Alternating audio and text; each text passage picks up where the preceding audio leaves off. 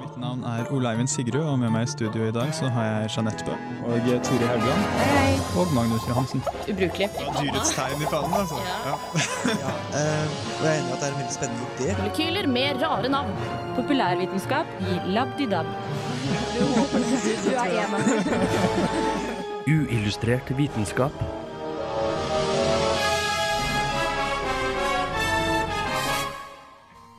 Er du engstelig for at maskinene skal overta verden?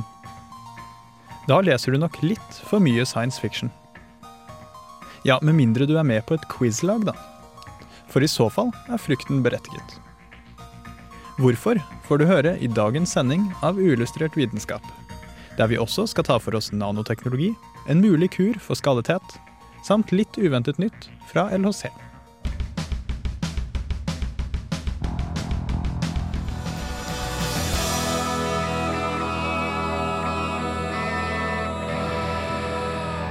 Du lytter til eh, Uillustrert vitenskap her på Radio Revolt. Mitt navn er eh, Ole Eivind Sigrud. Med meg i dag har jeg som vanlig Jeanette Bø Hallo, hallo. og Turi Haugland. Hei, hei. Vi eh, har jo en god del på plakaten i dag, men først opp så er det disse maskinene som kanskje skal overta verden, i hvert fall overta quizlaget ditt. Vi var innom Watson, som han heter, denne IBM-maskinen, i august i fjor. Eh, Men nå har den altså eh, vært og gjort sitt. Eh, Men vi tenker bare sånn at folk er litt oppdatert på hva- var det dette her gikk ut på nå igjen. Så skal vi spille reportasjen vi lagde i forrige semester. Og den skal vi høre nå etter Julio Bashmore med The Horn That Time Forgot.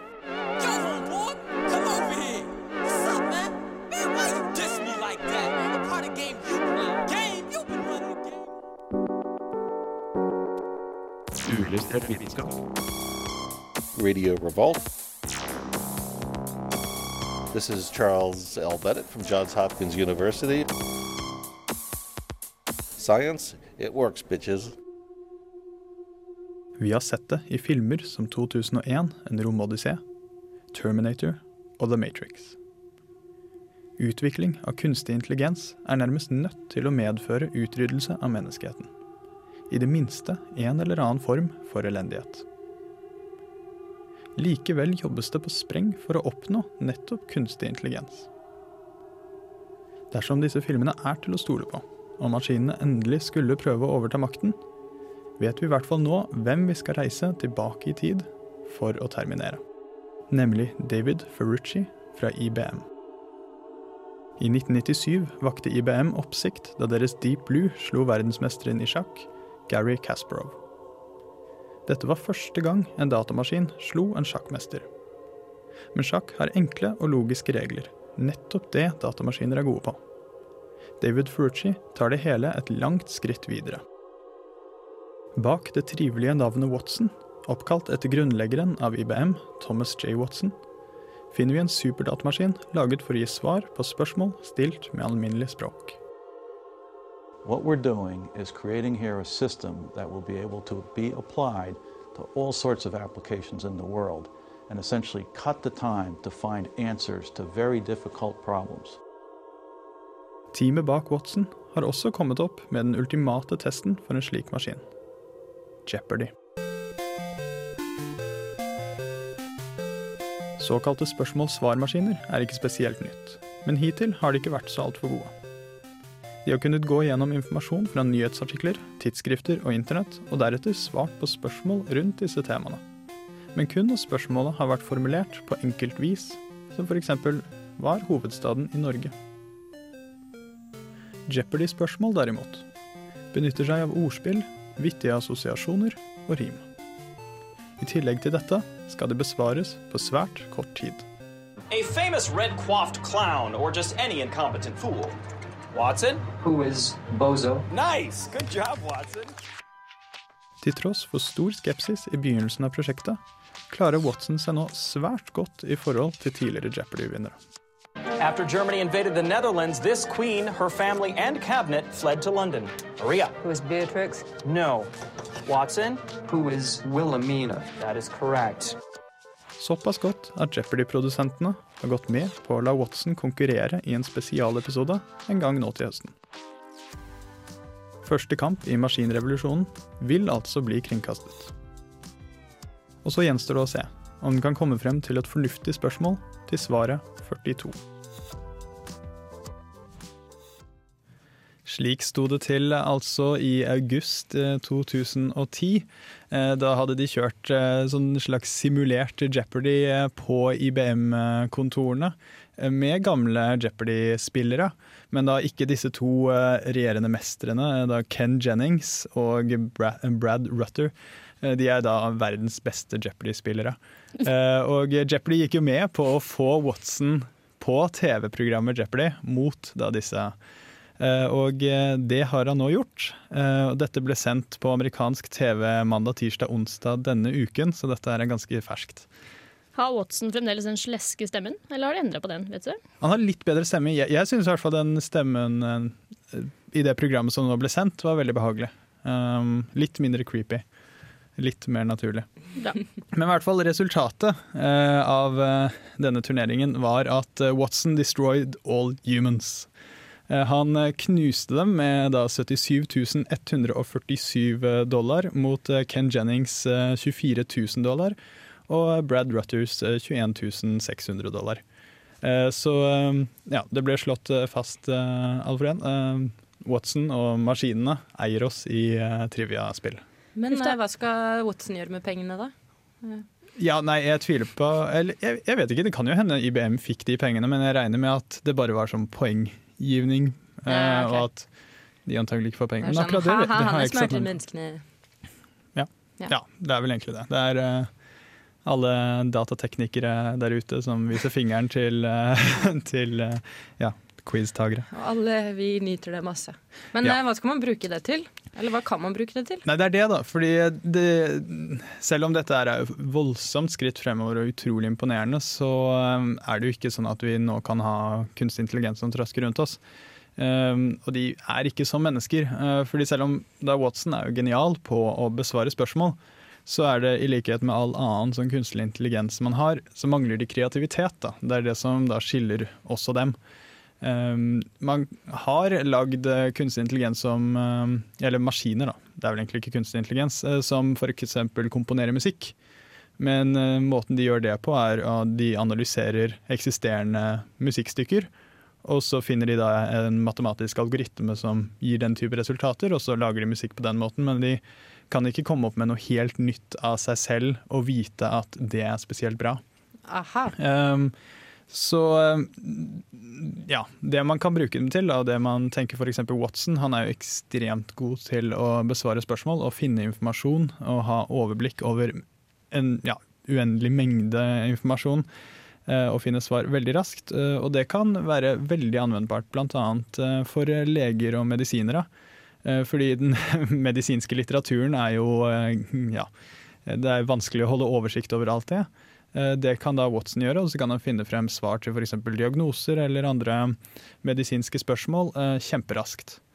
Men så er det jo fortsatt det at selv om han eh, har en mye bedre treffer- trefferate enn enn mennesker, selv da de regjerende mesterne i Jeopardy, så iblant så bare tar han så grusomt feil. Han ble bl.a. spurt om hvem som da spiser kosher-mat. Da svarte han gresshopper. Selvfølgelig. Eh, så, så det var noen ganger han eh, tar virkelig, virkelig feil. Eh, Så det man da ser for seg, det er at man kombinerer hva er maskinene gode for, hva er vi mennesker gode for, og så, eller gode til, og så kombinerer vi det. Så f.eks. ved medisinske søk så ville da en maskin som Watson kunne komme opp med en diagnose eller noen veldig gode svar på medisinske spørsmål, men så vil da legen sjekke, da, sånn bare for å passe på at det ikke er noe sånn totalt idiotisk. Jeg gruer meg til den dagen de finner ut eh, at de skal putte Watson inn i en av de her ekle japanske robotene. Åh, for eksempel en av de japaner-robotbabyene. Har dere Ja, sett de med ansiktsuttrykket? Ikke noe koselig. Ja, jeg gleder meg litt til det. Så, Så kan jeg ta den eh, med på quiz uten at de ser at jeg har med meg en robot. Det, ja. Snart så eh, eier Uillustrert eh, quizen på Studentersamfunnet fordi vi sniker med oss en liten eh, mini-Watson. Det er det vi har tenkt å bruke den til, rett og slett. Vinne quiz. Men vi i uh, Illustrert vitenskap ønsker i hvert fall våre digitale overlords velkomne. Og vi skal snakke mer om nanoteknologi fremover. Men først uh, så skal vi høre da T-rex med Jeepster.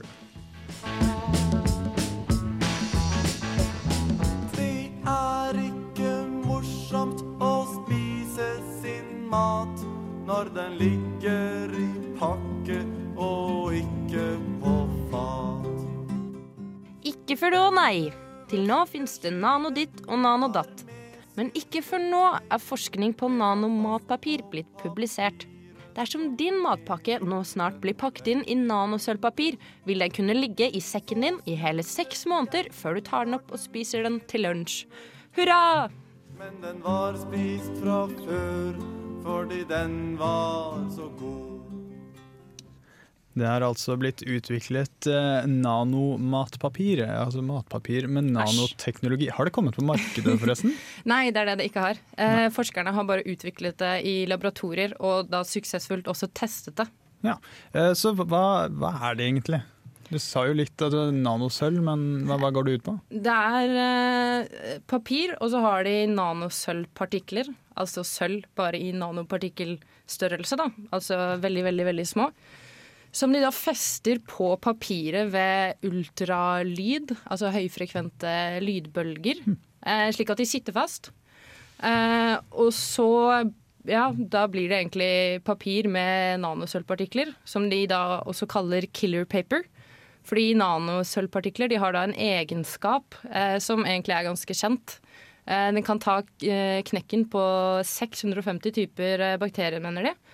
Så det kan egentlig da brukes til ganske mange ting. Ja, hva, hva kan brukes til annet enn matpakker? Ehm, det er allerede ute i butikken eh, og på markedet, så er det allerede eh, i bl.a. Kjøle, kjøleskap. Eh, Det brukes i sminke og ansiktskremer. Og i luktfrie sokker, faktisk. Eh, Men nå i det siste da, så er det blitt forsket på eh, nanosølvpartikler på innpakkingsmateriale. da. Sånn som plast og tekstiler og metaller. Fordi dette er da et veldig godt alternativ til eh, matkonserveringsmetodene vi har i dag. Som stråling, varmebehandling og lavtemperaturslagring. Ja. Så da kan du da lagre mat over veldig, veldig lange perioder i disse nanopartikkel... Ja. Luktfrie sokker syns jeg jo egentlig hørtes ut som en veldig god idé, i hvert fall hvis man eh, er på en sånn lang fjelltur eh, uten altfor mange sokkeskift osv. Men, men i hudkrem osv., er dette trygt?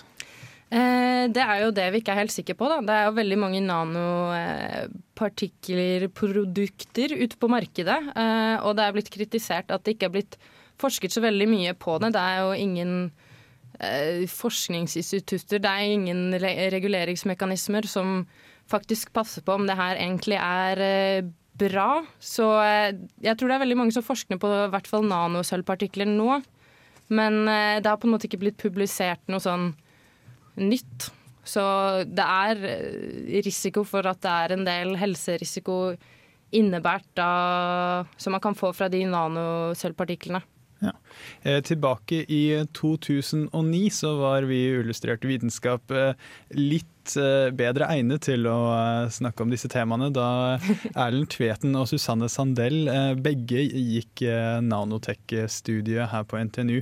Men eh, da i 2009 så lagde Susanne Sandell en reportasje om helserisikoene ved nanoteknologi. Men eh, før vi får eh, hørt den, så skal vi høre Einar Stray med 'Your Heart Isn't a. Heart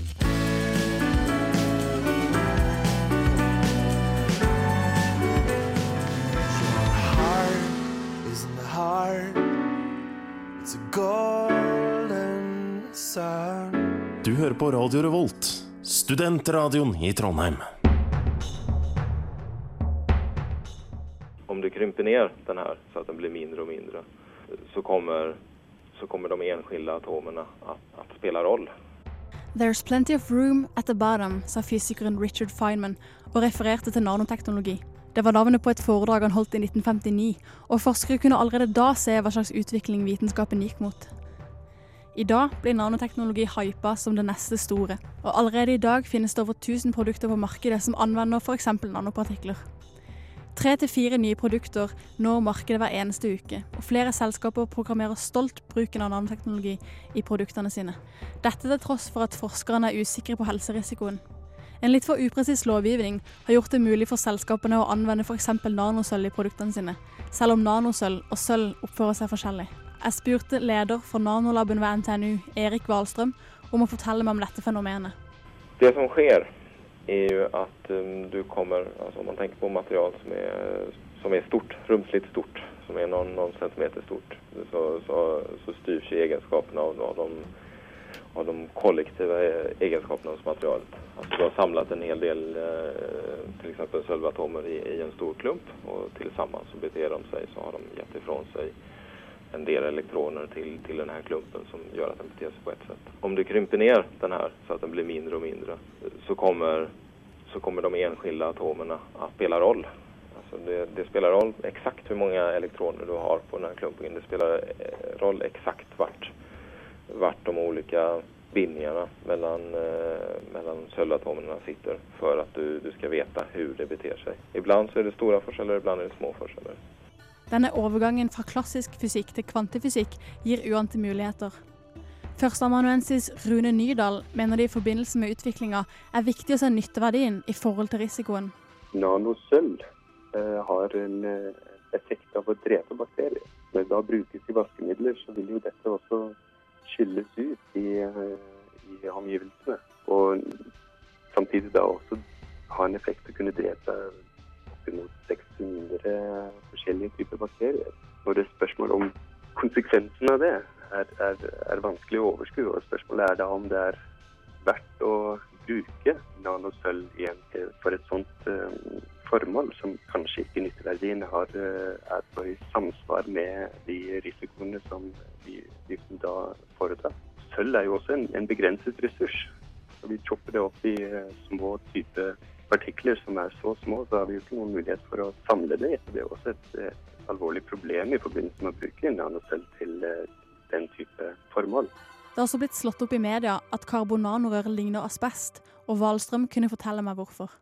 Så at du egentlig har fibrer som, som er såpass små at de kan eh, trenge gjennom og forstørre membran i kroppen og gjøre skade.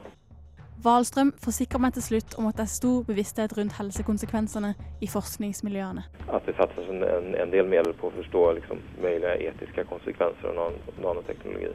Og nå kommer det også altså, ganske mye midler både nasjonalt og internasjonalt der man da forsøker ta reda på hva det finnes det for, for toksologiske og ekotoksologiske effekter av nanoteknologi. Da. Uillustrert vitenskap presenterer Forskningsnytt.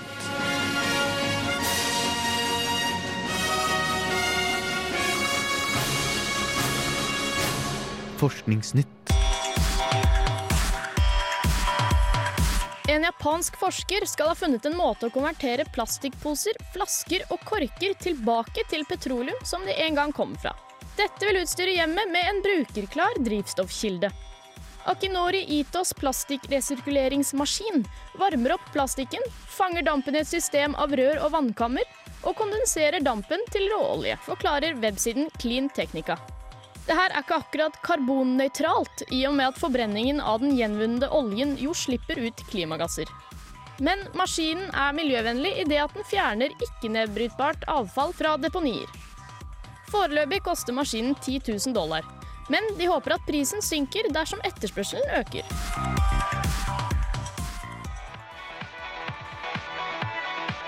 LHC ved Cern har fremdeles ikke klart å løse mysteriet med mørk materie, finne Higgs-bosone eller oppdage skjulte dimensjoner i romtid. Men det de for øvrig nå har klart, er å avdekke et annet spennende mysterium. Sist sommer la fysikere merke til at noen av partiklene dannet ved protonkollisjoner så ut til å synkronisere flyvemønsteret sitt. Akkurat som en flokk med fugler. Fysikerne sier at de har brukt mesteparten av tiden siden da på å overbevise seg selv om at det de så, var sant. Og de vil fortsette arbeidet med det her etter en velfortjent ferie i februar. Frank Wilczek ved Massachusetts Institute of Technology nobelprisvinner for sin forklaring av gluoners oppførsel, sier at dette kan være avdekkingen av en ny indre struktur av det initielle protonet, eller av at partikler kan ha flere sammenkoblinger enn man først var klar over. Om dette blir bekrefta av andre fysikere ved LHC, kan dette være en fascinerende ny oppdagelse om en av de vanligste partiklene i universet, som forskere trodde de allerede forsto godt fra før.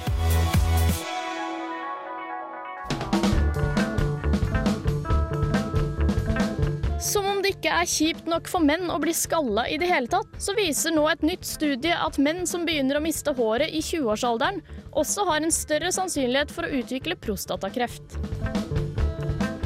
Nå har vi ikke noe god løsning på det sistnevnte problemet, men nå kan forskere, ved en tilfeldighet, ha klart å finne en kur for skallethet. Forskere fra UCLA og Oregon Health and Science University hadde egentlig planlagt å finne forholdet mellom stress og fordøyelseskanalen hos mus som var genmanipulert til å produsere overskudd av stresshormoner.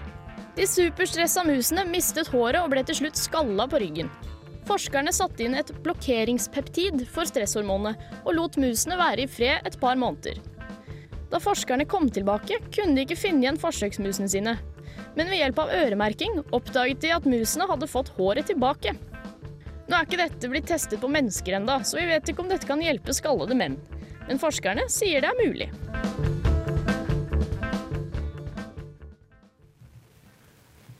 Det var altså denne ukens forskningsnyheter brakt til oss av Jeanette. Og der fikk vi høre at man bl.a. kan lage drivstoff av plastavfall. Ja, eh, og den teknologien fins allerede, faktisk. eh, I en sånn, men det er sånn digert testanlegg utafor Washington DC. Men nyheten Aha. nå er jo at eh, det var en praktisk maskin til å ha hjemme og lage drivstoff. Men Hvis det du har et raffineri også. Men er det miljøvennlig? Altså Vil de da ta plastavfall som ikke kan resirkuleres til plast? For det skulle jeg jo tro kanskje er enda bedre. Eh, nei, altså plastposer er jo litt vanskelig å smelte om. Eller, altså, hvis du ikke har sånne resirkulerbare plastposer, som man ofte har i mange butikker. Sånn Rema har jo eh, resirkulerbart eh, nå, har jeg sett. Det er sånn ring nederst. Men eh, det finnes masse ikke-resirkulerbare plastposer som du kan lage til petroleum, tydeligvis. Og eh, det foregår jo mye god forskning ved LHC i eh, Sveits slash eh, Frankrike, og som god forskning ofte gjør, så stiller det flere spørsmål enn det besvarer. Hva, hva var Ja, egentlig det store spørsmålet som dukket opp nå? Ja, nei, de, de lurer på om protoner har litt flere egenskaper enn de først trodde. For det er, ifølge han nobelprisvinneren jeg nevnte, så er det mulig at gluoner i protoner er eh, litt sånn korrelert eh, fra før, sånn at idet protoner eh, krasjer, så vil det videreføres Altså de gluonegenskapene vil videreføres til de partiklene som da strømmer ut, og at de flyr i samme retning, da. Jeg vet ikke hvorfor de skal vite det, men det er sikkert kjekt til senere. Og så var det nok eh, mange av eh, de mer hårfattige lytterne våre som ble lettet eh, da de hørte om disse musene som ble kurert for skaldethet. skallethet. Men det var ikke i utgangspunktet dette de forskerne ville undersøke med disse musene. Nei, det var jo en sammenheng mellom fordøyelses... Eller kanalene, eller hva det er, til musene og, og en sånn stresshormon de skulle finne ut. Og så viste det seg at de plutselig fikk hår. Og det er litt morsomt. Det er litt morsomt med sånne ting som Det er veldig mye som har blitt oppdaga ved tilfeldigheter. Er Alt fra cornflakes til eh, Viagra. Sånn eh, Cornflakes for eksempel skulle jo egentlig være et brød, men det ble cornflakes. Der kan jeg også legge til at han Kellogg, som da skapte cornflakes, han var syvende dag adventist og var forkjemper for seksual, eh, seksuell avhold. Da, han mente at da sterk og søt og god mat det ville øke lidenskapene, og anbefalte derfor kjip, nøytral mat. Det Som da skulle virke som et uh, anafrodisiakum, uh, som det kalles. Altså senke sexlysten. For et kjedelig liv. Ja, Ja. Apropos sexlyst, så skulle jo Viagra også være en blodtrykksmedisin. Det var det jo ikke. Ja. Eh, De avbrøt studiet, og så la de merke til at ingen av mennene hadde lyst til å levere det tilbake, faktisk. Ja. Og så fant de ut at oi, det hadde en annen gunstig effekt òg. Nå skal vi høre litt mindre nøytral musikk. Frisco med 'Training Day'. So I act savage, make you disappear, no black magic. I smoke cess that will leave you short of breath like an asthmatic. You get me, fam? And that's what I'm saying, innit?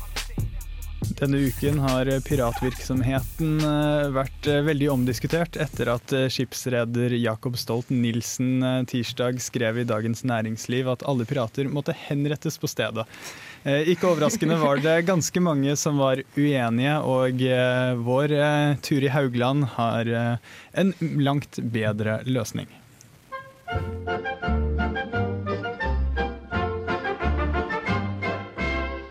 Jeg en sorte bil fra 1514. Piratene. Disse forbannede piratene. Ja, nå er vel ikke kaldblodig dreping av dem løsningen. Men det hjelper da heller ikke å late som de ikke lenger seiler de sju hav. Men Norge, Stolt-Nielsen og pirater, frykt ikke. Her er en løsning som kan fungere for dere alle. Vi seiler på sjøen i vind og i blest og høy. Well, the uh, behavior of the politicians. Bay Systems presenterte for noen uker siden en laserstråle som kan plasseres på fraktskip som skal gjennom farlige farvann. Laservåpenet er designet for lange rekkevidder, skal rett og slett blinde piratene. Selv om den ikke fysisk holder piratene unna, lar den dem vite at de er sett. Er dette løsningen på Norges piratproblemer? We drink and we pillage and we do what we please. We get all that we want for free. We'll kick your ass and rape your last. Somalian pirates we. Laseren er et ikke-dødelig våpen. Faktisk er den et ikke-skadelig våpen. Systemet er automatisert slik at, avhengig av avstand, vil intensiteten til laseren aldri kunne gi piratene varige øyeskader. Laserens rekkevidde er opptil 1500 meter. Effekten av å se på den er lik effekten av å se på sola. Men i motsetning til sola vil solbriller kun forsterke effekten av laseren. For glasset påvirker ikke laseren.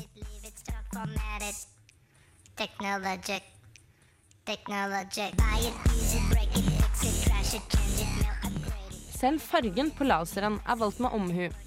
Den er grønn, da Bay Systems fant ut at dette var den mest irriterende fargen. Den meterbrede laseren vil kunne dekke en seks meter lang piratbåt og gjør sikting av piratenes våpen mye mer komplisert.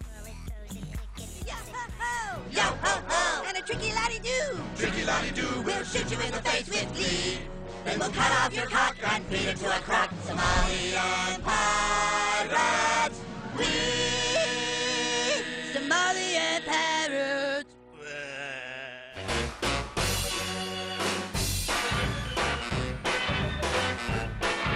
Hei, eh, jeg heter Petter Skjerven, og jeg lytter til Illustrert vitenskap på Radio Revolt så ofte jeg bare kan. Uillustrert. Veldig bra. Hei, jeg heter Petter Skjerven, og jeg lytter til Uillustrert vitenskap på Radio Revolt så ofte jeg bare kan. Now no more to watch to go. They don't know. Det var en eh, rolig eh, ja, slags avslutning her på Illustrert vitenskap. Fordi like sikkert som at eh, et eple faller i hodet på deg hvis du sitter under et tre, eh, så begynner vi å gå litt tom for pratetid når vi har stått i studio en time cirka. Eh, Så vi kan vel egentlig bare begynne å runde av, men før vi gjør det, Jeanette, vet du hva BAFTA er? Nei. Nei. Da vil jeg anbefale deg og for så vidt alle andre lyttere å lytte til Filmofil, som skal nå fokusere på BAFTA, som da er den britiske slags Oscar-utdelingen. Så det eh, blir mye, mye spennende, og eh, BAFTA-prisen er ofte en pekepinn på hvilke filmer som vil gå av med veldig mange Oscar-statuetter. Interessant. Da er det vel egentlig bare å takke for oss. Eh, Mitt navn er Ole Eivind Sigrud. Med meg i dag har jeg hatt Jeanette Bø og Turi Haugland. Følg oss på Twitter og lik oss på Facebook. Ha det godt. Ha det! Time takes a cigarette, puts it in your mouth. Uillustrert vitenskap er Midt-Norges eneste teknologimagasin på lokalradio. Og vi snakker om alt fra populærvitenskap til sære forskningsprosjekt ved NTNU. Radio Revolt, studentradioen i Trondheim, er stolt av å kunne presentere podkaster fra de aller mest populære programmene våre. Hvis du har lyst til å høre mer fra Radio Revolt, hvem vi er og hva slags musikk vi spiller, så kan du høre oss på FM-båndet i Trondheimsregionen, eller streame sendingene våre live på radiorevolt.no.